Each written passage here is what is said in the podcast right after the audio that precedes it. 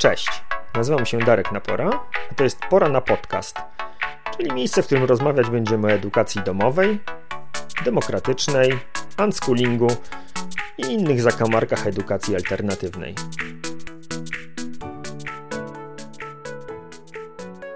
W kolejnym odcinku Pora na Podcast zapraszam na rozmowę z Martą Marks.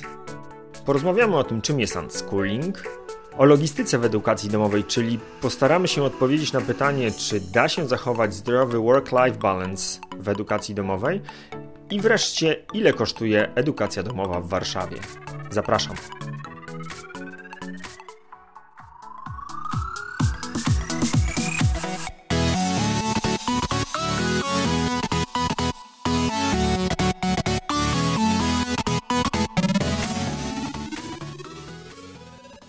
Okej. Okay. Pierwsze pytanie, które zadaję zawsze na początku, e, jest takie samo, mianowicie, co tam u ciebie? Na jakim etapie jesteś ty? Na jakim etapie e, jest wasza rodzina? Na jakim etapie jest e, twój syn? Zanim opowiesz jeszcze cokolwiek o sobie, to powiedz po prostu, czym teraz żyjecie jak sobie, jak teraz tak się skontaktowałam ze sobą, to pomyślałam o takim dużym strachu, bo wczoraj jak odbierałam Krzysia, to na tej drodze y, zjazdowa do mnie do domu chyba mijaliśmy sześć wozów policyjnych i to, co się dzieje teraz w Warszawie, te protesty i jakby reakcja policji i mnogość tych wozów na ulicy w taki normalny dzień, to jest coś, co widzę, że mój strach jakoś wzbudza i widzę też, że ta sytuacja pandemiczna, lockdowny, duży też strach u, u Krzysia powodują i to jest chyba we mnie teraz, wiesz?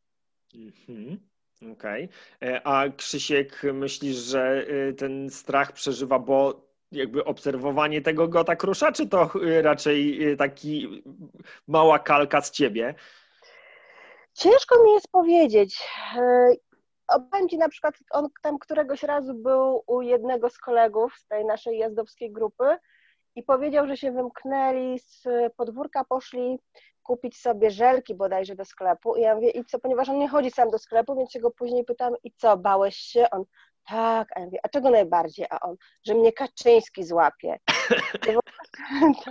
w ogóle skąd mu to do głowy? A to było po tym okresie, kiedy przy, przy tym marcowym lockdownie był zakaz wychodzenia dzieci do lat 16 samodzielnie. I on jakoś tak to sobie zanotował w głowie, że miał strach, że ktoś będzie go gonił, łapał, że to i właśnie no trochę to jest śmieszne, jak sobie wyobrażę Kaczyńskiego biegającego za takimi małymi łebkami, ale, ale to, tak, to tak było. I on ma jakieś takie, widzę, z całą tą sytuacją różne przemyślenia własne, mam wrażenie, bo mówi różne rzeczy, które jakby nie są zupełnie moje, tylko gdzieś tam coś zobaczył, coś usłyszał, coś sobie dodał dwa do dwóch i tak mu wyszło, nie zawsze cztery, czasami 68.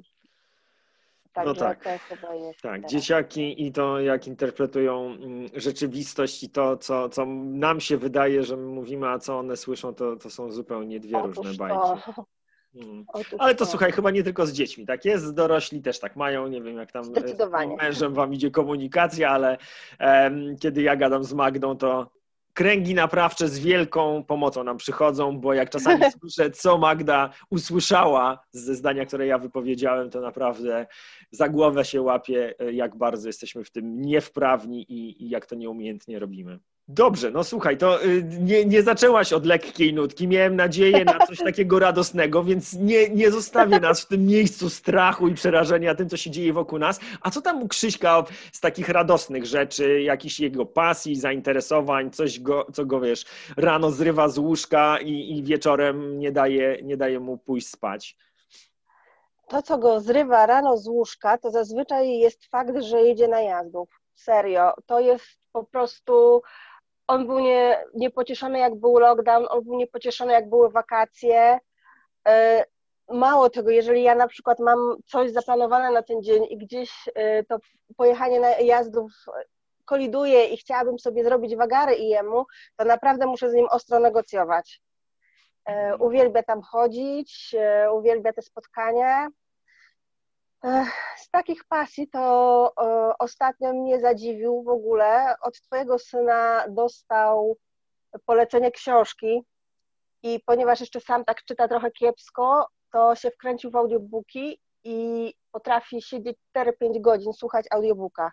Mhm. Więc y, i, i żyję tą książką bardzo, więc jestem naprawdę zaskoczona, że, że tak się dzieje, bo wcześniej trudno mu było raczej na kilka godzin się w coś tak wkręcić.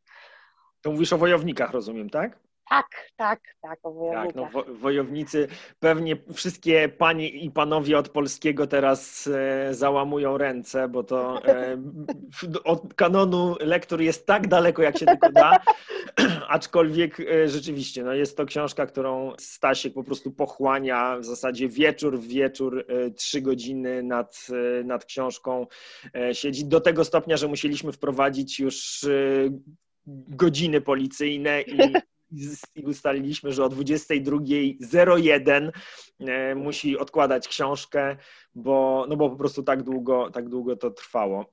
Niesamowita jest ta książka. E, strasznie mi się nie podoba, szczerze mówiąc. E, A no, czytałeś? Wiesz co, no nie, nie byłem w stanie całości tego przeczytać. No wiesz, to jest y, chyba ze 12 tomów, y, każdy tam po, po 300 parę stron. On już skończył tą pierwszą serię, teraz jest chyba już kończy drugą, także tam wiesz, prze, y, przebrnął przez y, dobre 2000 stron tego. E, no dla dorosłego to jest nie, niezjadliwe, przynajmniej dla mnie, mm, ale no taki wiesz, bardzo bajkowy, bajkowy świat fakt, że to są e, koty głównymi bohaterami, tak trochę go od, odcina od, od rzeczywistości. Także o tyle nie mam z tym aż takiego zgrzytu, bo gdyby to były postacie ludzkie, to nie wiem, czy te, czy te postawy, które tam są prezentowane, by były czymś, co, co chciałbym, żeby on jakoś tam sobie utrwalał, ale, ale jakoś fakt, że to koty tak sprawia, że łatwiej mi to y, akceptować. Ja jeszcze nie zajrzałam do tej książki, tylko mi było dane przeczytać ze dwie strony, po czym Krzyś powiedział, że sam chce słuchać albo czytać, więc okej. Okay. To jeszcze tylko dla osób, które nas nie znają, e, bo wspomniałaś o grupie jazdowskiej, to, to ja e, taki mały disclaimer i, i wytłumaczenie o co chodzi bo e, no, po pierwsze dla wielu osób może być e, zaskoczeniem to, że w ogóle nasze dzieciaki teraz w czasie pandemii gdzieś wychodzą, e, no ale mamy ten wielki przywilej, że jesteśmy w bardzo małej grupie, która pozwala na zorganizowanie ich spotkań pomimo tych obostrzeń. No i wielka wdzięczność za to. U nas, u nas też, podobnie jak u Krzyśka, jest straszna tragedia, kiedy z jakiegoś powodu dzieciaki nie mogą, nie mogą mogą pójść na, na te spotkania. E, Stasiek nie tak bardzo, on spokojnie mógłby z tą książką dzisiaj rano usiąść i siedzieć do wieczora, natomiast Marysia dzisiaj miała gluta i w związku z tym nie poszła, e, nie poszła do grupy. No i efekt był tego taki, że naprawdę mieliśmy płacz i zgrzytanie zębów rano, że ona nie może iść. No i żeby to przetłumaczyć osobom, które, mm, które nie wiedzą, na czym polega ta nasza leśna grupa unschoolingowa, to tak, takiego ekwiwalentu szkoły, tak? No bo to jest miejsce, gdzie dzieciaki trzy razy w tygodniu sobie chodzą, w tym czasie, kiedy większość dzieci w Polsce idzie, mm, idzie do szkoły. No albo w tym czasie siada przed Zoomem. No i, i, i już hmm. teraz pewnie y, dużo osób łapie się za głowę, ale jak to, że chodzą do szkoły i jak nie mogą tam pójść, to, to jest problem? Większość dzieci nie chce chodzić do szkoły. No i, i tutaj, e, tutaj pojawia się pierwsze pytanie, e, od którego, e, czy które było tak naprawdę przyczynkiem, pomysłem na tą naszą dzisiejszą rozmowę zarówno ja, jak i moje dzieciaki, kiedy opowiadamy o tym, jak wygląda nasze życie, no to zazwyczaj po prostu mówimy o tym, że nasze dzieci nie chodzą do szkoły. Oni tam czasami coś tłumaczą, że no chodzimy do grupy, to dla większości osób jest nie, niezrozumiałe dosyć. No i tak to sobie wymyśliłem, żebyśmy spróbowali dzisiaj e, opowiedzieć o takich e, najbardziej powszechnych, czy najczęściej pojawiających się pytaniach, kiedy e, mówisz, czy kiedy mówimy o tym, że, mm, że nasze dzieci nie chodzą do szkoły. No i pierwsze pytanie, które mam dla Ciebie, to jak to wygląda u Ciebie, kiedy rozmawiasz z dorosłymi czy z jakimiś rodzinami o tym, że, że Krzysiek nie chodzi do szkoły, to jakie pytanie u Ciebie się najczęściej pojawia? Ale to go uczysz w domu? I jak na nie odpowiadasz? Nie, nie uczę go w domu. Pojawia się od razu mi czerwona lampka, jak e, próbuję empatyzować z takimi osobami, no ale to jak to? To on się uczy czegokolwiek? Wiesz, że chyba nie usłyszałam takiego pytania. Aha. No to ja powiem Ci, że jest to powszechne bardzo pytanie i ja je wielokrotnie słyszałem i, i również przygotowując się do naszej rozmowy sprawdziłem sobie e, na zagranicznych portalach, jak to e, tam już ten, to zjawisko unschoolingu, no bo tak się nazywa nasza grupa i to jest też taki trend, który mi jest bardzo bliski i jest to jedno, jeden z największych niepokojów, nawet wśród osób, które mają wiele do czynienia z edukacją domową, kiedy pojawia się hasło unschooling, czyli jakby takie zupełne odejście od tej struktury szkolnej, od podstawy programowej, od curriculum, czy dzieciaki w ogóle się mogą czegoś nauczyć, no, skoro nie uczą się w domu, nie uczą się w szkole, no to hello, kiedy i gdzie się mają uczyć?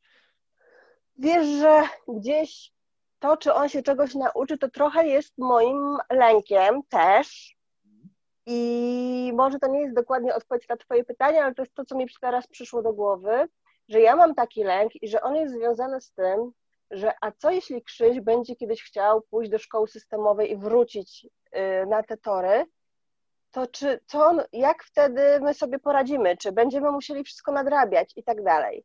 Mhm. Ale no dobra, i jak sobie z tym radzisz? Nie wiem, czy sobie w ogóle radzę. Na razie to zostawiam. Ja mam chyba bardzo duże zaufanie do tego, co się dzieje w tej naszej grupie jazdowskiej i mam e, chyba dość duże zaufanie też do mojego dziecka, bo jak na razie nie widzę w ogóle ku temu żadnych przesłanek, żeby on chciał do szkoły takiej zwykłej, systemowej powrócić, bo to zupełnie nie mój syn. Zupełnie. Mhm. A mogłabyś jak, trochę opowiedzieć więcej e, na ten temat? Co masz na myśli, e, mówiąc, że to nie twój syn? Na przykład to, że jemu jest ciężko wysiedzieć, chociażby, bo ma online ma angielski i ma portugalski, e, i jemu jest ciężko wysiedzieć tak po prostu na tych zajęciach, na przykład bez pokazania nauczycielce swoich kotów, bez, nie wiem, wstania 40 razy albo kręcenia się na krześle. I dlatego myślę, że to nie jest dla niego, bo on jakoś tak na tyle jest energiczny i ruchliwy, że chyba sama myśl w tej chwili o siedzeniu kilka godzin w ławce to jest coś, czego on chyba nie, nie przyswaja. Chyba ta myśl w ogóle jest mu tak jakoś obca. A miał w ogóle okazję mm, kiedyś brać udział w takich zajęciach, gdzie trzeba było po prostu odsiedzieć e, swoje przy stoliku? Chodził do normalnego przedszkola mhm. systemowego, więc tak. Okej, okay. i jak mu nie lubił? było? Różnie, bo on nie lubił tych zajęć przy stoliku. Kiedy chodził, to mówił, że jest fajnie, fajnie, natomiast teraz daje mi takie różne, e, ma takie różne flashbacki i daje mi takie informacje, co było nie tak, że jemu to się tam w ogóle nie podobało i że musiał na przykład właśnie siedzieć przy stoliku jak nie chciał, albo musiał coś tam innego robić jak nie chciał, albo że pani krzyczała, albo że były kary, no to jakby to dopiero teraz mu yy, się przypomina, to było niefajne. Natomiast podczas samego przedszkola on potrafił pani powiedzieć, że yy, on nie będzie jadł, bo jego mama w domu nie zmusza do jedzenia, więc tutaj też nie będzie jadł. A no wiesz, tak kolokwialnie to można by powiedzieć o nim, że był trochę pyskaty. I, i, i mam takie niegrzeczny, poczucie, hello, że... był po prostu niegrzeczny. Niegrzeczny był, tak, niegrzeczny. Y, I, I albo mówił, że mama to na mnie nie krzyczy. Kiedyś poszedł, poszliśmy do znajomych i oni się tam bawili na piętrowym łóżku, wszedł tata tej rodziny i mówi: Hej, jak się nie będziecie zgodnie bawić, to nie będziecie mogli czegoś tam. A mój syn mu na to, ale to jest szantaż.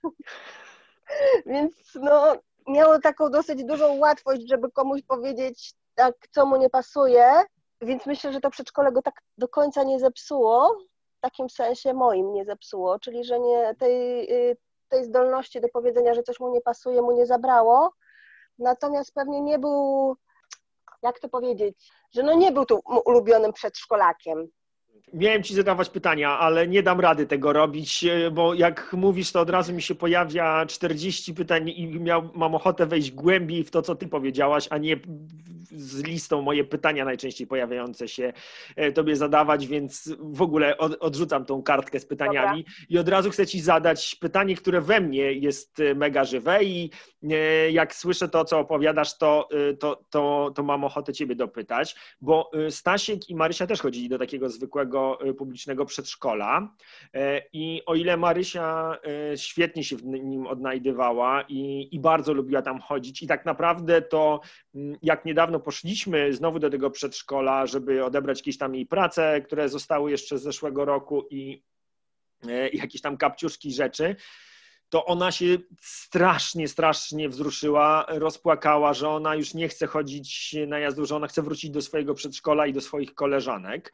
E, natomiast u Staśka to było bardzo tak, że że myśmy widzieli, że on się w tym przedszkolu bardzo, bardzo męczy i on e, Mm, trochę inaczej niż Krzysiek, e, ten, e, ten rozjazd między wartościami, o których my mówiliśmy w domu, o tym niestosowaniu kar i nagród, o tym bardzo podmiotowym traktowaniu wszystkich osób i o tym, że dziecko też ma prawo powiedzieć, czego chce i obowiązkiem dorosłego jest to, żeby to wysłuchać i, i dołożyć starań, żeby, żeby tę potrzebę zaspokoić. Natomiast no, na drugiej szali mieliśmy to, że trochę nie mieliśmy jeszcze wtedy odwagi y, i takiej gotowości, żeby rzucić to publiczne przedszkole i zdecydować się na no, wtedy już w zerówce, w takim tym ostatnim momencie, kiedy, kiedy byliśmy bardzo blisko podjęcia decyzji o przejściu do edukacji domowej.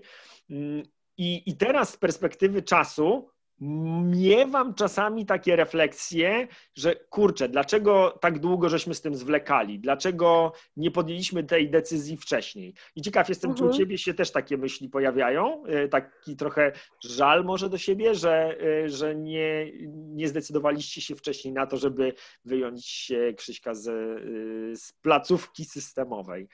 Czasami się pojawiają, ale, ale chyba nieczęsto bo ja w ogóle, jak on poszedł do przedszkola, to też pierwszy rok, w ogóle te trzy latki, to też było takie założenie, że po prostu to jest e, jakaś tam adaptacja i on jak e, bardzo płacze, to nie idzie, jak nie wiem, jak jest chory, no to wiadomo, zresztą ten pierwszy rok to, to dużo dzieciaków choruje, jak się tam spotyka z tymi nowymi dzieciakami z, w sali, gdzie tam zarazki fruwają obce i zanim oni się uodpornią na siebie nawzajem, te chorują i też tak było. I chyba chyba w ogóle to tak trochę było, że to przedszkole to jest, to jest nie, nie musi być codziennie, że na przykład jak Krzyś chciał zostać w domu i była taka możliwość, bo ja nie wiem, nie, nie miałam jakiejś pracy gdzieś poza domem albo mogła przyjechać babcia, to staraliśmy się tak zorganizować, żeby został. Też była kwestia finansowa trochę, bo jak zanim Krzyś się urodził, ja w ogóle pracowałam poza Polską i ten rok macierzyńskiego spędziłam w Polsce, potem było wielkie pytanie, czy tam mam wracać, y, czy nie i w jakiej konfiguracji i jak i z kim. Michał chciał zostać tutaj, bo miał tutaj pracę, także to było w ogóle takie y, wszystko mm, na wariackich papierach i, i ja jeszcze byłam później na dosyć długim zwolnieniu ze względu na problemy zdrowotne i w momencie, jak był ten moment, żeby się decydować o przedszkolu, to ja jeszcze nie wiedziałam, co ja będę robić. Czy ja będę wracać tam po tym zwolnieniu, czy ja będę zostawać w Polsce, a jeżeli w Polsce, no to bym musiała zrezygnować z tamtej pracy, więc nie będę miała funduszy na to, żeby chociażby mu to przedszkole jakieś prywatne, jakieś bliskościowe opłacić.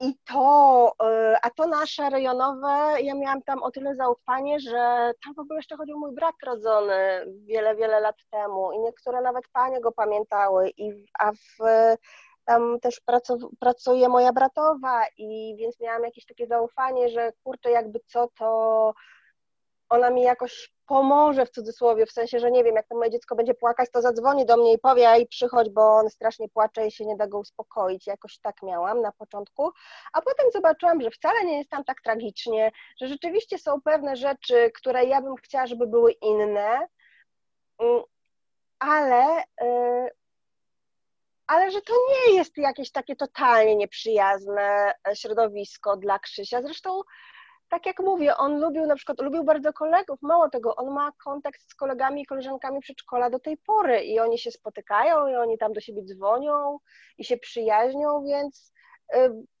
jakaś taka nam się też trafiła fajna grupa i dzieciaków i rodziców, gdzie na urodziny to wszyscy wszystkich zapraszali i rodzice się spotykali i gadali, i też z rodzicami się y, utrzymywało kontakt poza przedszkolem, także chyba kiedy mam te myśli, to mam wrażenie, to, to, to one tak jakby przez te fakty, które sobie przypominam, to te myśli są jakoś tak uspokajane, że, mhm. że, że pewnie, pewnie jakby było gorzej, to bym myślała o tym wcześniej i pewnie, no nie, chyba nie miałam aż takich obaw, żeby go zabierać. O, były, były incydenty, a nie, że jakiś taki azymut, który mi się nie podobał, tylko były jakieś takie incydenty, ale to wiadomo, że nawet ja tutaj w domu też różne rzeczy robię, które mi się same nie podobają i później jest mi głupio.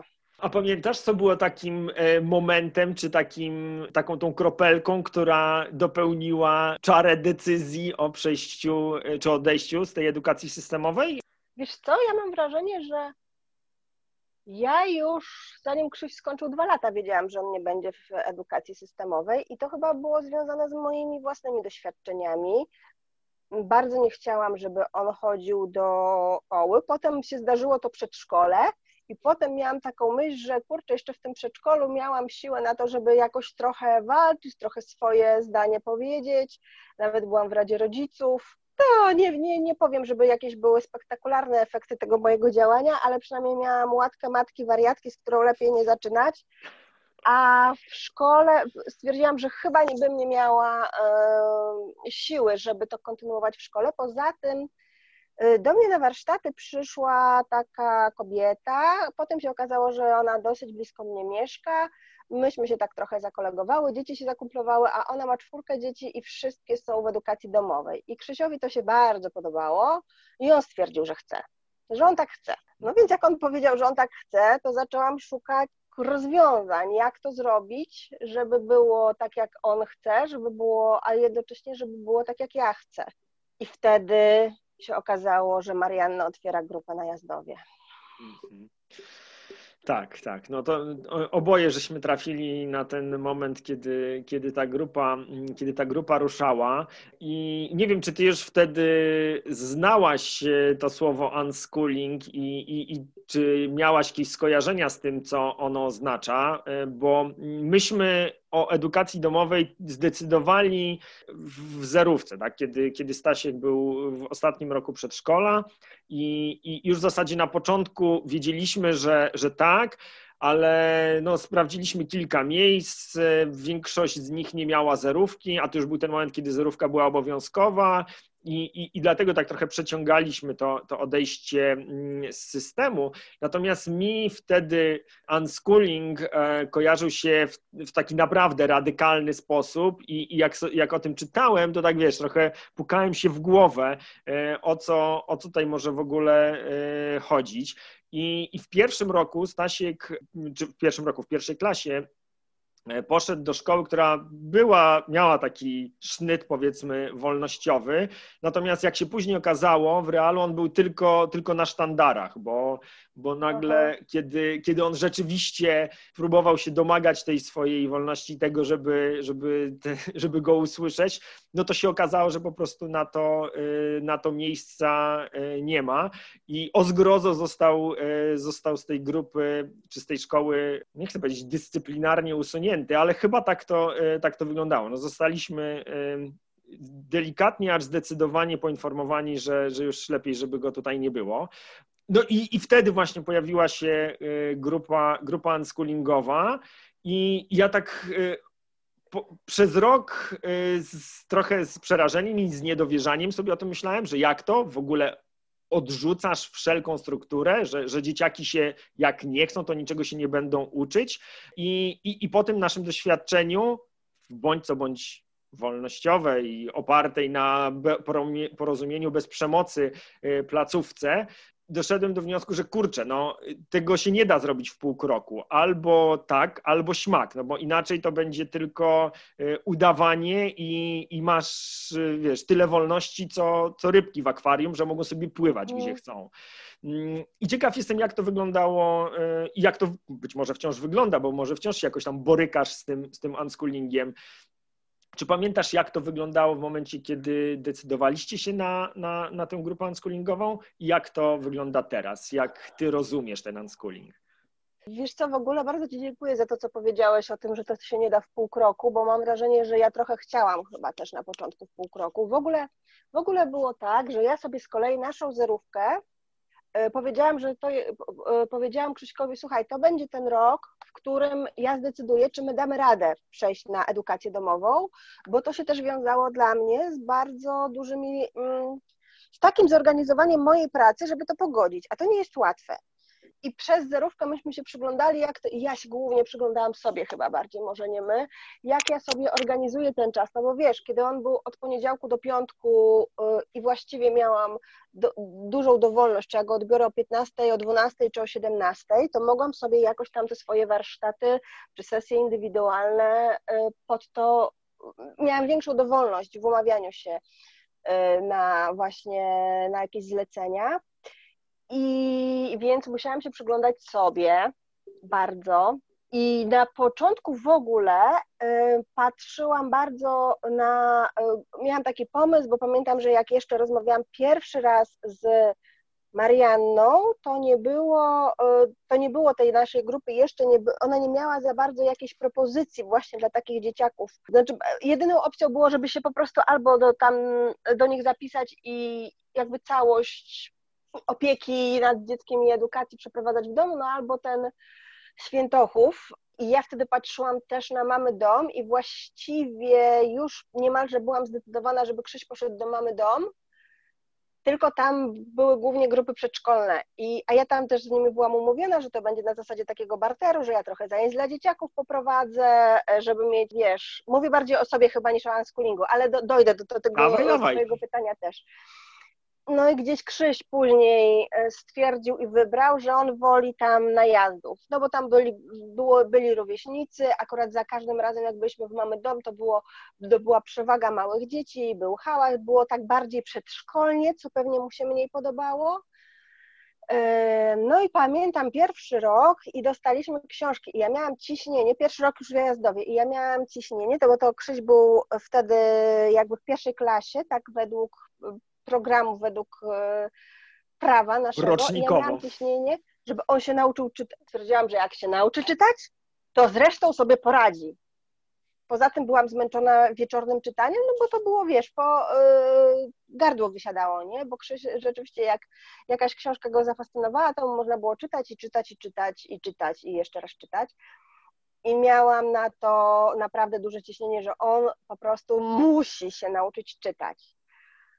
No i to była po prostu droga przez mękę, bo on robił wszystko, żeby tylko do tego czytania nie usiąść. Po czym, jak się okazało, że e, tak właściwie to fajnie jest umieć czytać i pisać, bo można sobie z kolegą przez Messengera pogadać, no to ogarnął to bardzo szybko, ale to już było w wakacje. To już było po tym, jak już teoretycznie powinien umieć czytać i pisać.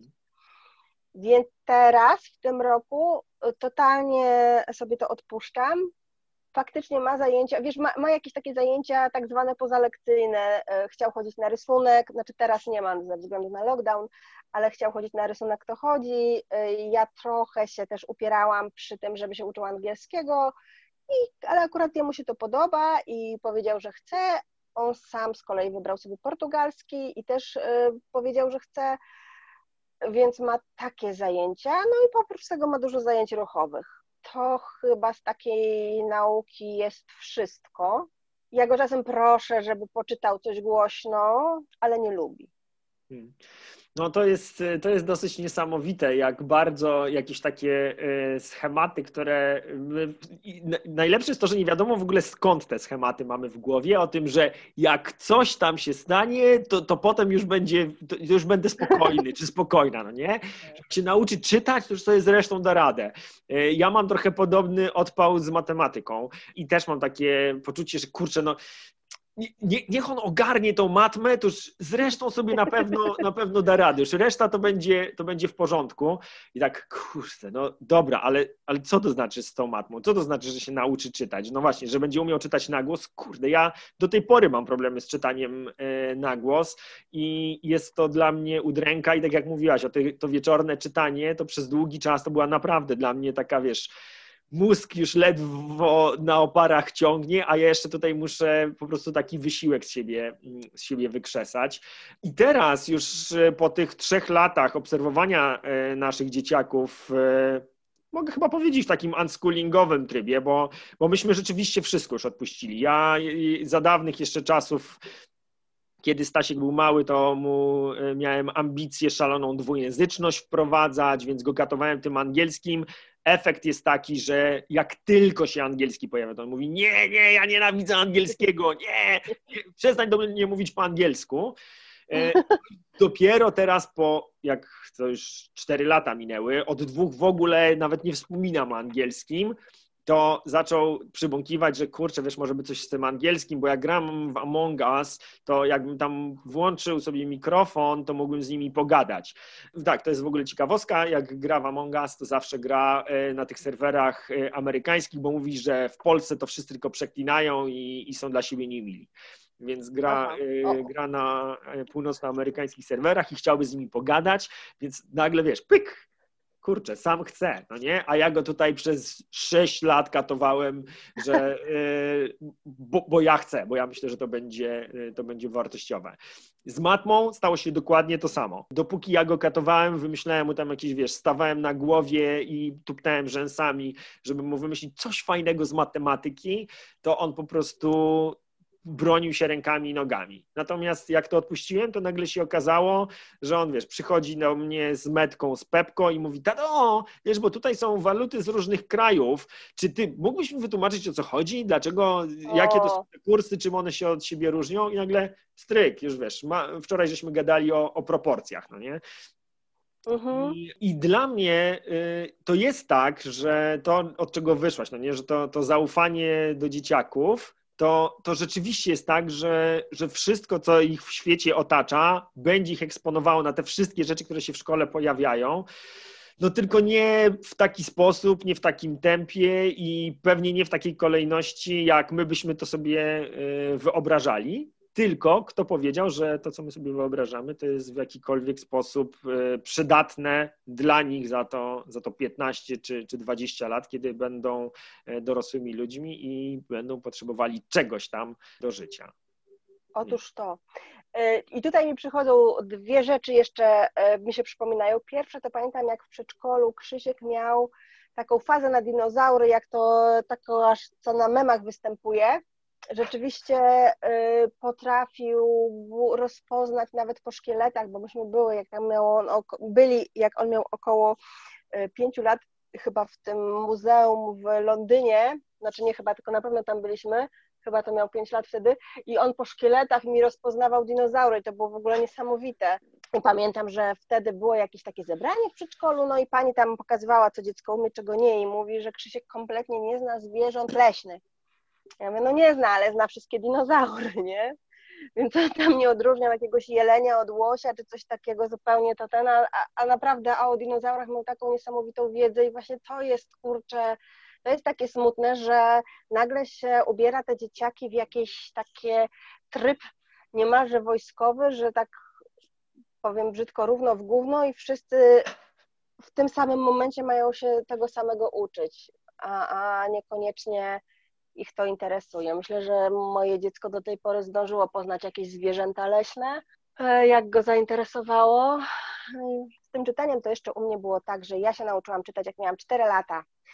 Więc e, sobie tak myślałam, że moje dziecko też tak będzie miało i po prostu będzie czytać książki i to jest z mojej strony bardzo egoistyczne, że po prostu on będzie czytał, a ja będę wtedy mogła się zająć czymś swoim na przykład. Więc to takie, to takie było moje egoistyczne. On się nauczy czytać, to już chce da radę i nauczy się, czego będzie chciał, jak będzie chciał. No a teraz na szczęście nie tylko poprzez czytanie można się uczyć, bo przecież jest YouTube, jest mnóstwo filmów edukacyjnych. Ja też tak sobie myślę przy tym nacisku na czytanie, że przecież kiedyś ludzie czytać nie potrafili i różne mm, baśnie, różne jakieś takie e, zwyczaje były przekazywane w formie opowieści i to przetrwało z pokolenia na pokolenie, aż w końcu zostało spisane, więc jakoś nie ma chyba większego znaczenia, czy mój syn książkę przeczyta, czy ją odsłucha w audiobooku tak naprawdę. To jest też e, dla mnie e, jakoś tak bardzo żywe, jak patrzę sobie na to, jak różne są moje dzieciaki. I, i Stasiek nauczył się czytać jakś tam między piątym a szóstym rokiem życia. Aż teraz e, jakby nie, nie, jestem w stanie pokazać palcem dokładnie, kiedy to było, no ale gdzieś tam mniej więcej w tym, w tym wieku. E, Marysia ma lada dzień szóstą urodziny i ona jeszcze zupełnie na, na najprostszych słów nie, nie umie przeczytać, powiedzmy tam mama, tata, Marysia e, zaczyna już pisać, natomiast to, o czym powiedziałaś, no jest mega wkręcona w, w audiobooki i ona po wysłuchaniu raz audiobooka jest w stanie go opowiedzieć ze szczegółami, to, to, to, rzeczywiście jest tak, że ta ekspozycja na język po prostu istnieje. Natomiast y, ja jeszcze chciałem y, wrócić do tego, o czym wspomniałaś, bo to też jest y, dla mnie mega, mega ciekawy temat o tym czasie dla siebie i i czasie potrzebnym na pracę. Jak, jak wy, czy jak ty sobie tym radzisz w rodzinie? Ten, e, ten czas, który spędzacie razem wszyscy, ten czas, który ty potrzebujesz na pracę, ten czas, który ty potrzebujesz dla siebie. No wiesz, jak powiesz normalnej rodzinie, w której dzieci w placówce spędzają 8 e, godzin dziennie, że e, w zasadzie to 4 razy w tygodniu jesteście 24-7 razem, a 3 razy w tygodniu to tam na 5-6 godzin dziecko jest zaopiekowane, no to, to, to wiesz, łapią się za głowę. No i jak to w ogóle zorganizować? No i pytanie, pytanie do Ciebie. Wspomniałaś troszkę o tym. E, jak, jak to u Was wygląda? Czasem myślę, że nie wygląda wcale. To jest, wiesz, to jest duży temat. Ja tak go trochę potraktuję pobieżnie, bo też pamiętam, że jak e, w ogóle decydowałam się i rozmawiałam z tą znajomą, która była jakby takim trochę mm, nie, może nie, e, może nie przyczyną, ale gdzieś tak też mnie utwierdziła w tej edukacji domowej, no to, no, to moim głównym zmartwieniem było pieniądze. Do tego też zaraz ja przejdziemy, nic się nie bój. I czy ja będę w stanie je zrobić. I i po prostu gdzieś później doszłam do takiego wniosku, że jednak nie da się robić tej edukacji domowej czy unschoolingu, a w ogóle ja też myślę, że nie da się być rodzicem bez wsparcia jakiegoś. I ja z tego wsparcia staram się korzystać tak jak mogę. E, na szczęście mam mamę, która bardzo nas wspiera i jakby jeżeli chodzi o opiekę nad Krzyśkiem w momencie, kiedy ja mam, nie wiem, jakiś wyjazd, no teraz na szczęście te wyjazdy, nie wiem czy na szczęście, ale teraz te wyjazdy, no to nie są tak możliwe, ale bywało tak, że ja wyjeżdżałam na cały dzień albo tam z noclegiem nawet gdzieś prowadziłam warsztaty poza Warszawą, to ona zazwyczaj e, pomagała jej mi i zostawała z Krzysiem. Teraz mam wrażenie, że im on jest starszy, tym jest łatwiej. Też on ma większą jakby wyrozumiałość i sam wie, że ja potrzebuję czasu i czasami on nawet mówi, dobra mama, to ja idę do siebie, ty sobie tutaj poleż, odpocznij. Taką moją strategią jest też, wiesz, Krzyś jest jedynakiem i w dodatku mieszkamy na takim osiedlu, gdzie jest mało dzieci. Tutaj jest większość emerytów i to, to nie jest łatwe, bo gdzieś y, ma tych kolegów z przedszkola i też się staramy, żeby na przykład oni do nas jakoś wpadali albo się umawiać, żeby nie było tak, że po prostu y, siedzimy w domu, więc na przykład staram się też tak, że Krzyś kogoś pójdzie odwiedzić i wtedy ja mam taki trochę luźniejszy dzień, że wiem, że się mogę na czymś swoim skupić i to jest chyba odpowiedź na Twoje pytanie, że ja sobie po prostu radzę korzystając ze wsparcia innych osób, czyli budując jakąś taką wioskę bliższych czy dalszych. Czy sądzisz, że dałoby się mm, funkcjonować w takim domowo-edukacyjnym trybie, kiedy dwoje rodziców, albo jeszcze trudniej, jeden rodzic i, i na dodatek e, taki pracujący na etacie, czy to jest w ogóle logistycznie wykonalne? Być może, ja nie wiem.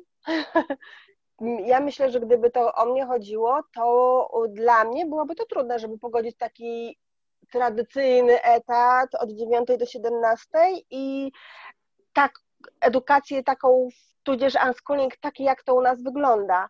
Mhm. To by było naprawdę trudne, ale, ale być może są osoby, które po prostu mają inaczej i jakoś mają pomysł, jakby to sobie y, ułożyć, bo, bo wierzę, że tak, znaczy, wiesz, na poziomie wiary, to wierzę, że pewnie jest takie wyjście ale, e, i takie rozwiązanie i pewnie się da, ale teraz bym chyba, jakby ktoś przyszedł i mi powiedział, jak ja mam to zrobić, to ja bym powiedziała, że nie mam pojęcia, jaką mam ci dać receptę, no. Mm-hmm.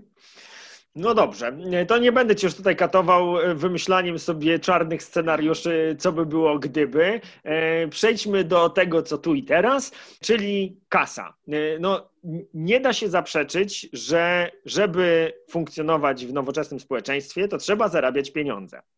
Nie da się również zaprzeczyć, że e, cenie młodego I człowieka. Jakby i... to, że ja zrezygnowałam z tej swojej pracy y, w korporacji, to, że ja się przekwalifikowałam i że robię te warsztaty i jakby moje zarobki są znacznie mniejsze to jest pewne wyzwanie i to jest nauka dla mnie, że kurczę, okazuje się, że wcale nie trzeba mieć aż tak dużo kasy. Ja nie chcę pozostawać na takim poziomie całkowicie, e, całkowicie ogólnym. E, słuchają nas ludzie, którzy w znakomitej e, większości mają pracę, tak jak ty powiedziałaś, od 9 do 17. Z dużym prawdopodobieństwem tam jest oboje takich rodziców. No i teraz, jak to wygląda, jak to wygląda w realu? Jak, jak zorganizować sobie dzień, jakby na co przechodząc czy decydując się na, taki, na taką formę edukacji domowej, w jakiej my jesteśmy, czyli no może nie radykalny, ale jednak taki mocno unschoolingowy klimat, czyli sytuacja, w której to nie jest tak, że, że my dzieciakom organizujemy szkołę w domu i siadamy rano do nauki, tylko oni mają tutaj jakąś tam dozę dowolności, to, to jak to wygląda logistycznie i jak to w związku z tym mogłoby wyglądać zawodowo i organizacyjnie, żeby taki unschooling sobie mm, zorganizować? Wiesz, to jest bardzo trudne pytanie, bo ja mam wrażenie, że e, u mnie to nie jest jakoś tak takie ustalone i takie okrzepnięte, tylko że u mnie to cały czas się zmienia i cały czas jakoś sposób, w jaki ja pracuję, się zmienia i dostosowuje się do sytuacji, jaka jest nie tylko w naszej rodzinie, ale, ale w ogóle. Gdzie, na przykład w zeszłym roku ja byłam w ogóle bardzo zadowolona, bo miałam tak zaklepane, że do czerwca miałam mieć zajęcia w szkole, prowadzić zajęcia dla dzieci, warsztaty dla dzieciaków. I to w ogóle było super, bo tak jakby ja nie musiałam się już ubiegać o tego klienta, to nie była duża liczba godzin, były jakieś stałe pieniądze, po czym co w marcu przyszedł lockdown, nie? I się wszystko posypało i zostałam jakby bez tej gwarantowanej w cudzysłowie, bez tego gwarantowanego dochodu i też trzeba było myśleć dalej, więc u mnie to tak jest, że ja po prostu muszę reagować na bieżącą sytuację z tym, co ja robię i to nie jest łatwe, kurczę. E, e, ci rodzice, którzy. Ja, ja, jestem daleka od tego, żeby tym rodzicom, którzy są na etacie, mówić: co ty super, wszystko się ułoży, bo ja nie wiem, czy się ułoży. Ja nie wiem, czy oni są na to gotowi, żeby podejmować jakieś zmiany, żeby w ogóle o nich myśleć, czy mają na to chęć, czy, czy to jest dla nich. Ja myślę, że to w ogóle taka decyzja to jest tak bardzo indywidualna, że, trudno, jest, trudno jest napisać jakby podręcznik, jak mam, jak mam to zrobić, żeby moje dziecko było w edukacji domowej. Że to, I też mam jakąś taką dużą wdzięczność do tego, co ty robisz, bo ty pokazujesz tak wiele osób, i tak wiele różnych ścieżek, bo każdy mam wrażenie też sobie radzi jakoś inaczej. No po to, po to Ciebie tutaj zaprosiłem właśnie, y, żeby opowiedzieć o tym, jak to, jak to może wyglądać, no nie? Bo my też jesteśmy w. bardzo wyjątkowej sytuacji. No mieszkamy w dużym mieście, które z jednej strony oferuje mega dużo możliwości. E, w zasadzie każda rzecz, którą wymyślisz, no to, to, to masz ją pod bokiem czy to będzie sposób organizacji wolnego czasu, o którym wspomniałaś, no nie, że tutaj portugalski, angielski i cztery zajęcia, cztery zajęcia sportowe. Jeśli ty lub Krzysiek sobie zażyczycie, to proszę, masz, bierz. Tak. Co nie jest możliwe w wielu miejscach w Polsce. Ale z drugiej to strony prawda. jesteśmy też ograniczeni w ten sposób, no, że koszty funkcjonowania w Warszawie są absurdalnie wysokie. I, no i w związku z tym jesteśmy tutaj y, bardzo mocno ograniczani. To znaczy, jeżeli mamy rodzinę, w której jedna osoba fizycznie musi być dostępna przez przynajmniej kilkanaście oscylował raczej w stronę 20 godzin na dobę, no bo po prostu trzeba być gotowym, że w dowolnym momencie będziesz musiał, y, będziesz musiała opiekować się dzieckiem, no to jakby ten y, zasób pieniędzy, które, które możemy jako gospodarstwo domowe e, dysponować, bardzo, bardzo się zmniejsza. I, i, i dlatego zależy mi na tym właśnie, żebyś opowiedziała, jak to, jak to w waszej sytuacji wygląda, bo mm, ja i Magda, my oboje prowadzimy działalności gospodarcze. To mhm. daje bardzo dużo wolności, mm, to znaczy my o wszystkim w zasadzie decydujemy, tak? Mogę w dowolnym momencie powiedzieć, że nie ma mnie przez tydzień, trudno, niech się wali, niech się pali, choć oczywiście tak nigdy nie jest, bo, bo w realu jest tak, że jesteśmy w pracy 24 godziny na dobę i, i żyjemy w takim permanentnym kisielu e, życia rodzinnego, życia biznesowego i, i ten e, sławetny work-life balance w zasadzie u nas nie istnieje, bo jest e, work-life nie wiem, mieszanka e, e, permanentna. E, no ale ciekaw jestem, jak to, jak to wygląda u Was. Czy, czy, czy Ty czujesz, że, że ten balans ilości pracy i, i w związku z tym środków, jakimi Wy jako gospodarstwo domowe jesteście w stanie dysponować i ta ilość czasu, którą potrzebujesz dla siebie i dla Krzyśka, to jest jakaś, jak, jakieś rozwiązanie, które dla Ciebie w tym miejscu jest satysfakcjonujące? Tej chwili mam poczucie, że nie. Jeżeli pytasz mnie na przykład o dzisiaj, Aha. że gdzieś mam za mało tego czasu swojego na, na siebie i na pracę, ale to bywa różnie.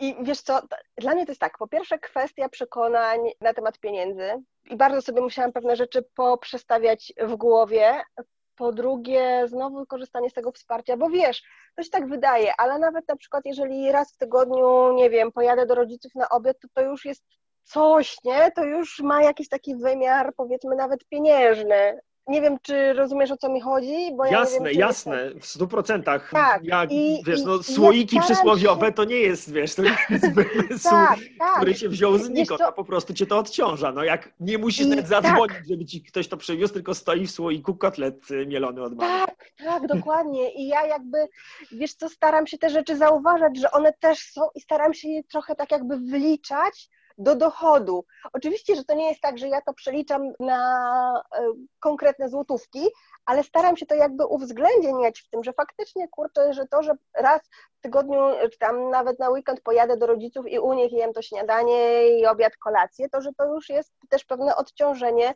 dla mnie i finansowe, i organizacyjne, i po prostu z każdej strony.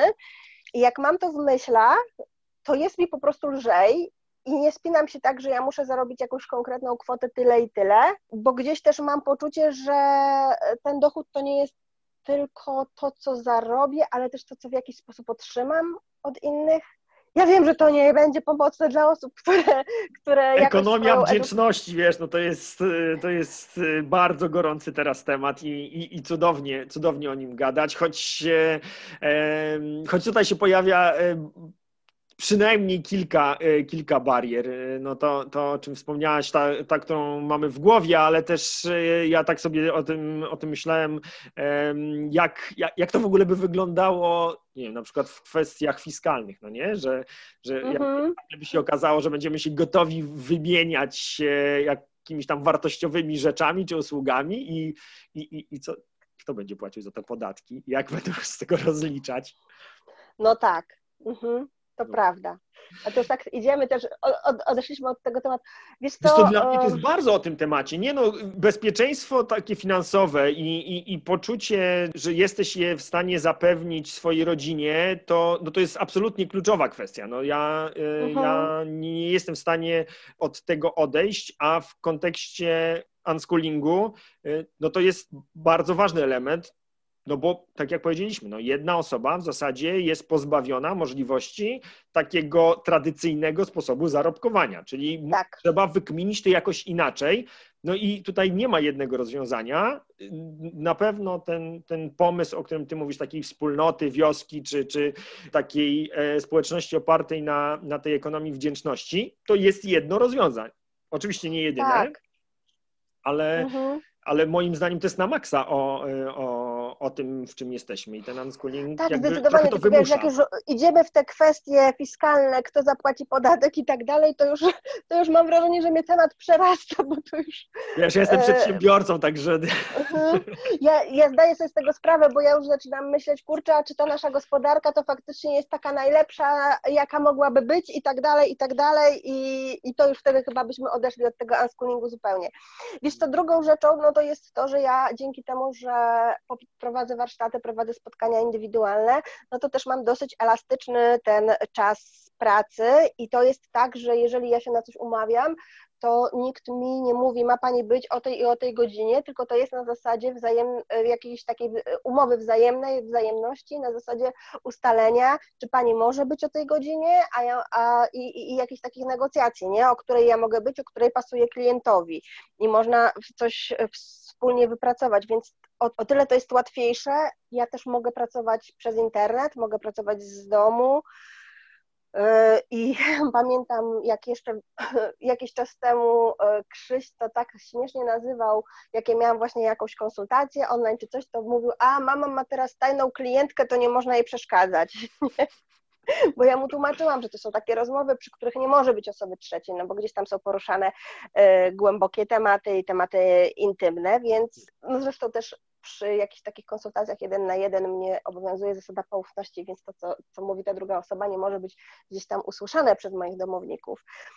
Dlatego to tak było, a on sobie właśnie to na e, tajną klientkę przemianował. Więc to jest wiesz, dla mnie to jest trochę męczące, bo ja jednak jestem taka, że ja lubię mieć rozkład jazdy, a dla mnie to jest trochę męczące, że na przykład tak, jednego dnia powiedzmy mam klientkę o 11 rano, a następną mam o 19, nie? Bo w międzyczasie, nie wiem, odbieram Krzysia, a coś tam i coś tam jeszcze, a Michał wraca o konkretnej godzinie i dopiero po tej godzinie ja mam jakby taką 100% y, pewności, że już, nie wiem, Krzyś mi nie wpadnie do pokoju, bo akurat się skaleczył, y, krojąc sobie ciasto co się, y, co się ostatnio zdarzyło, nie? Mhm. To myślę, że ja tutaj mam taką przewagę nad tymi osobami, które są na etacie. Z drugiej strony myślę, że te osoby, które są na etacie, mają prawdopodobnie większe jakieś takie bezpieczeństwo, no bo też mają dochód pewien gwarantowany raczej i stały, a u mnie to jest tak, że ile przepracuję, tyle zarobię przypadku osób, które są na etacie i chcą pójść w edukację domową, no to ten czynnik ludzki będzie miał bardzo dużą, duże znaczenie i to, jak się zorganizują, nie wiem, ze znajomymi, z rodziną, z jakąś swoją wioską, y, chociażby w opiece nad dzieckiem i w, nie wiem, czy jeżeli będą chcieli odtwarzać szkołę, czy nie, no to wiem, że na przykład w Warszawie działają mikroszkoły i to też myślę, że jest fajnym pomysłem dla tych osób, którym zależy na edukacji poza systemem, ale też na tym, żeby dziecko jakoś, jakoś czegoś się nauczyło. Hmm. Dobra. Słuchaj, to y, dwa teraz pytania do tego ostatniego fragmenciku. Z jednym już się czai od dłuższego czasu mm, i, i zacznę od tego właśnie. Y, to tak kawa na ławę. Gdybyś miała mhm. oszacować tak z grubsza, ile ten wasz unschooling kosztuje, to jak to wychodzi per capita y, jednego dziecka? Mam ci oszacować tak kosztowo, ile za co płacimy, czy mam Tak, no wiesz, no, ja tak, jest ta, są te trzy dni, kiedy macie opiekę nad dzieckiem, są jakieś tam te mhm. zajęcia, które y, uznaliście, że, że, są, że są dla was fajne. No wiesz, żeby ludzie mieli pojęcie, jak w Warszawie chcą się podją, chcą podjąć decyzję pokazuje środkowy palec w szkole. Nie chcę, żeby moje dziecko miało z tym cokolwiek wspólnego. Jest miejsce, które pozwala mi na to, żeby ten środkowy palec im pokazać, tylko to się wiąże z konkretnymi wydatkami. No i jak to Słuchaj, to ja nie umiem tego nie, właśnie, właśnie dzięki temu, że mam e, jakby pomoc od osób taką właśnie, że a to ktoś, ktoś tu Krzysia zaprosi na obiad, a to ktoś Krzysia zaprosi do kina, to ciężko mi jest to podliczyć. Ja Ci mogę powiedzieć od innej strony, od strony jakby utraconych moich dochodów. Hmm. Jak zanim Krzyś się urodził, jak pracowałam w korporacji, zarabiałam około 7 tysięcy złotych. Hmm. E, I to był sta, jakby taki miesięczny dochód. Nie fakt, że ja nie mieszkałam wtedy w Polsce, więc to jakby tam też koszty życia były inne. I jakby teraz, żeby pozostać na tym poziomie, co wtedy, no to ja, nie no, biorąc pod uwagę inflację, to chyba powinnam nawet więcej zarabiać. To, co chciałabym powiedzieć, że to moim kosztem jest to powiedzmy to 7 tysięcy, które jest pewne, co miesięczne i po prostu pewne jak amen w pacierzu. To, to był mój koszt. Nie umiem i nie podjęłabym się takiego wyliczenia dokładnie co do złotówki ja, ja mam to policzone. Y, ja, ja wiem dokładnie, ile to, y, ile to u nas kosztuje y, i, i bardzo chętnie się tą informacją o. podzielę. U nas to jest tak, no, grupa, wiem, że to zależy bardzo od, od różnych elementów. Natomiast no, ta opieka trzy razy w tygodniu to jest koszt około 1000 do 1200 zł miesięcznie. I to jest płatne jakby w skali całego, y, całego roku. Wiem, że to się zmienia i, i jakby mm, to, to, to, nie jest kwota, którą tutaj ostro jestem w stanie podać. I do mhm. tego wszystkie te zajęcia dodatkowe, na które chodzą y, moje dzieciaki, to dla każdego z nich jest około 500 zł mhm. miesięcznie. Więc w naszym przypadku to jest, to jest rząd taki 1500-1700 zł za osobę. No i w przypadku dwójki dzieci, no to się już robi całkiem okrągła kwotka 3 tak. do 3400, no nie? Mm, mhm. Więc, więc no to jest jakby taka mm, jakby orientacyjna wartość, którą należałoby, należałoby sobie e, postawić po tej stronie kosztowej e, i pod warunkiem, że jakby chcesz skorzystać e, z pomocy, mm, z pomocy jakiejś tam zewnętrznej placówki, która po prostu jest firmą, która ma zarabiać pieniądze, bo tutaj warto dodać, że oczywiście istnieje możliwość na przykład y, funkcjonowania w takiej kooperatywie w postaci mikroszkoły, gdzie te koszty mogą być zdecydowanie mniejsze, bo na przykład takie mikroszkoły funkcjonują w taki sposób, że dzieciaki się spotykają w domu u któregoś, y, u któregoś mhm. z dzieci, albo po prostu przechodzą z domu do domu, w zależności od tego, y, która, która rodzina w danej chwili się dzieciakami opiekuje. Natomiast no, w takim układzie jak ten nasz, to, to myślę, że no, poniżej tysiąca złotych to byłoby trudno to, to zamknąć. Nie wiem, co ty sądzisz Tak, wiesz, ale ja też patrzę, patrzę też na to właśnie pod tym, pod tym kątem tych tak jakby utraconych dochodów, no bo w moim przypadku, bo to gdzieś ma znaczenie, no bo gdzieś ten faktyczny czas, który ja mogę poświęcić na pracę, to zmalał, bo jestem dłużej z moim dzieckiem, nie? Czyli ja nie jestem w stanie poświęcić tam 8 godzin dziennie, czy tam, czyli 40 godzin w tygodniu no, no nie, nie dam rady fizycznie.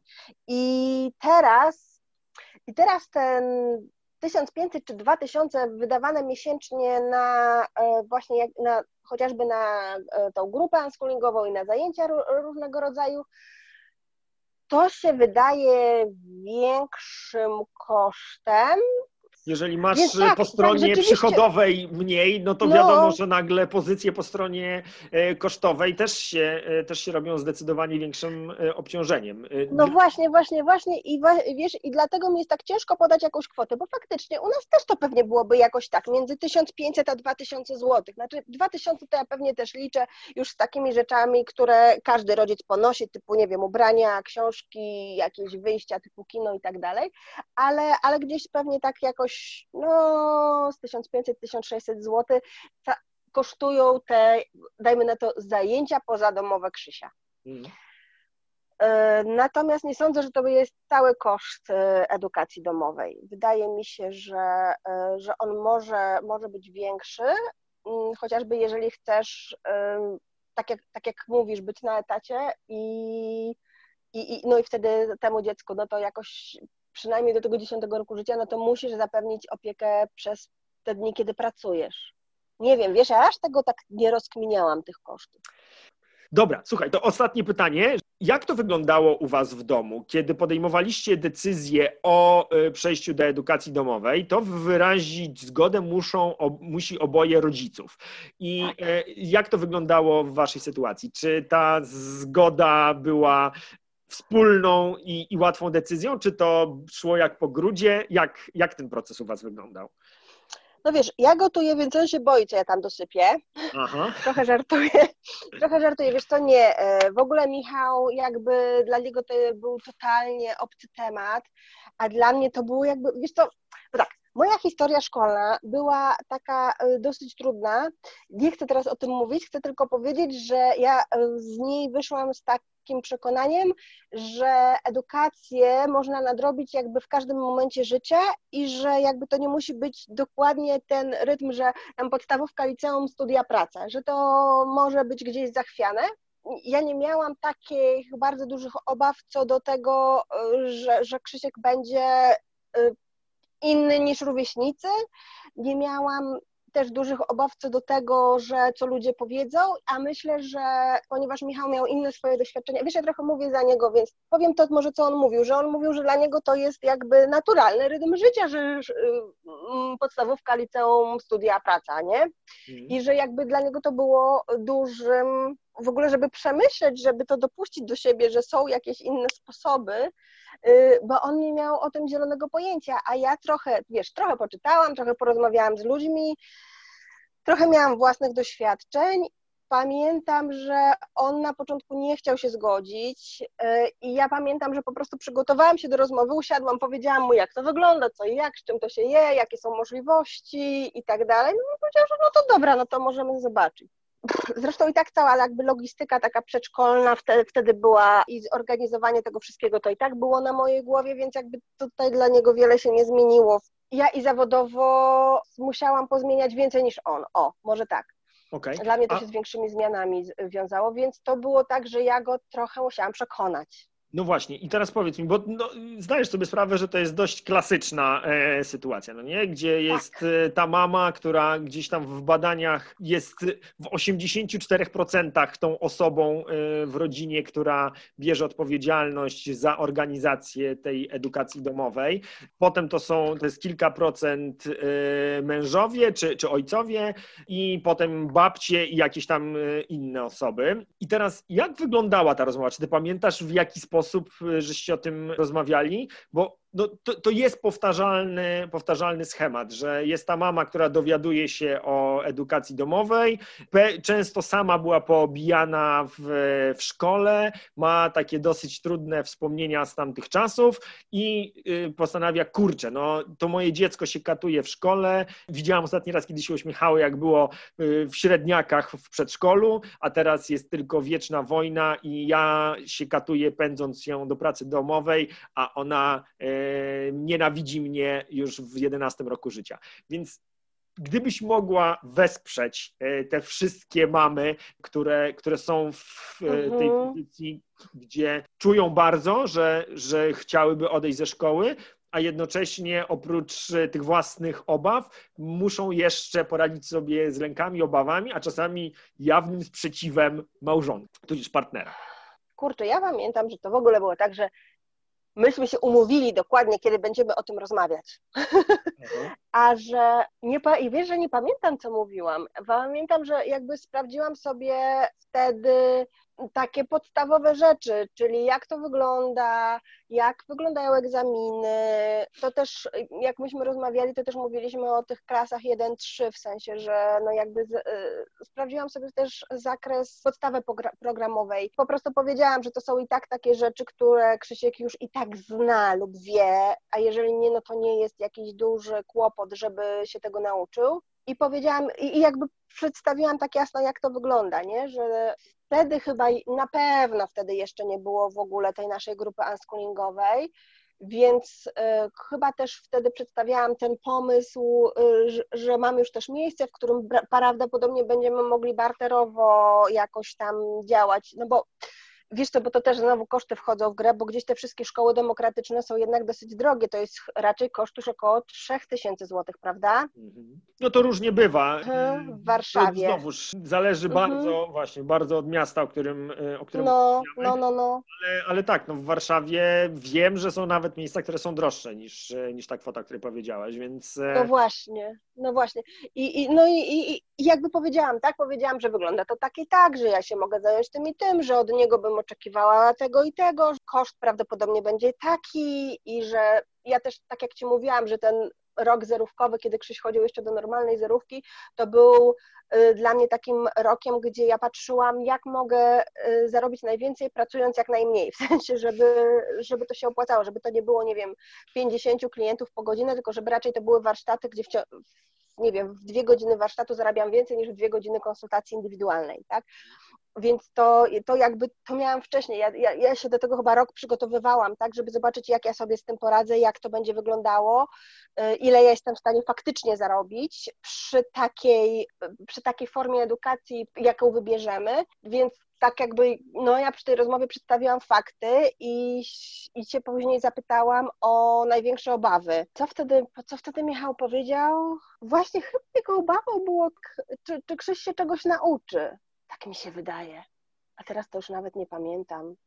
Okay. Ale tak myślę, że, że jego obawą było to, czy Krzyś się czegoś nauczy. I ja, ja wtedy mu pokazałam, że przecież no zobacz chociażby o tych dinozaurach, on się o nich nie nauczył w przedszkolu, tylko się uczył sam, bo go to interesowało i kazał sobie czytać i miał wiedzę ogromną. I gdzieś to go chyba e, też jakoś, jakoś mu to una, unaoczniło, że faktycznie ten proces nauki to nie jest tylko to, co siedzimy w ławce i się dowiemy, ale również to, co y, się z zainteresowań wywodzi. Zresztą Michał też ma takie dosyć specyficzne zainteresowania i sam jest jakby też trochę takim przykładem, że że on przecież o swoich zainteresowaniach też się nie uczył ze szkoły, nie jest to zupełnie wiedza szkolna. A powiesz, co, co to jest takiego?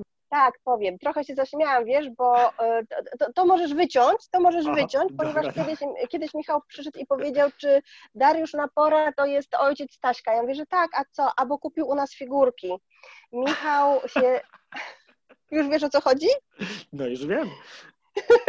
No, e, więc Michał się interesuje grami bitewnymi, które się rozgrywa na jakichś wielkich makietach, e, figurkami, postaciami. Kiedyś to było głównie e, z Władcy Pierścieni. On nawet zdobył Mistrzostwa Świata w e, turnieju a teraz pracuję nawet w firmie, która te gry tworzy i ta firma stworzyła coś na podstawie Sienkiewicza, e, tylko teraz nie umiem powiedzieć, czy to było samo Ogniem i Mieczem, czy już była cała trylogia, to on pewnie więcej wie. Mhm. E, całe te e, strategie i sposób gry to, też nie jest wiedza, którą wyniósł ze szkoły. No tak, RPG i, i bitewniaki to była to było wspomnienie, wspomnienie lat szczenięcych. E, słuchaj, no ewidentnie, ewidentnie wynika z naszej rozmowy, że jest potrzeba pogadać o tym, jak, jak to zorganizować od strony przychodowej, więc e, tak. jak to zwykle z takimi rozmowami wychodzimy mm, z kolejnym tematem e, na przyszłość. Już go sobie notuję, że, że o tym będę chciał jeszcze gadać. Mega, mega Tobie dziękuję za, mm, za tę rozmowę i no myślę, że sporo żeśmy ważnych tematów i takich ciekawych od strony od strony organizacyjnej i logistycznej poruszyli. Myślę, że to będzie e, dość wartościowe dla tych osób, które nas będą słuchać. Mam nadzieję. Ja w ogóle też mam nadzieję, że nam się uda kiedyś pogadać, bo mieliśmy kiedyś pogadać jeszcze właśnie na temat e, tej poprzedniej szkoły, co tam było i w ogóle, ponieważ ty pracujesz e, przecież w szkołach demokratycznych, ja jestem bardzo ciekawa twojego zdania, jak to tam wygląda, jakie ma plusy i minusy, tak, tak mają tamte rozwiązania, więc mam nadzieję, że kiedyś nam się poza nagraniem poza mikrofonem uda pogadać. E, no wiesz, what happens in the democratic school stays in the democratic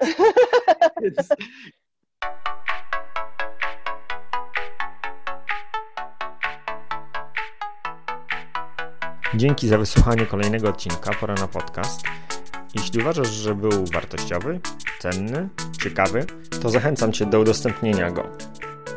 Jeśli masz jakieś pytania, wątpliwości dotyczące edukacji domowej albo któregoś z tematów, który poruszaliśmy w odcinku, to zapraszam Cię do kontaktu. Mój adres znajdziesz w opisie tego odcinka.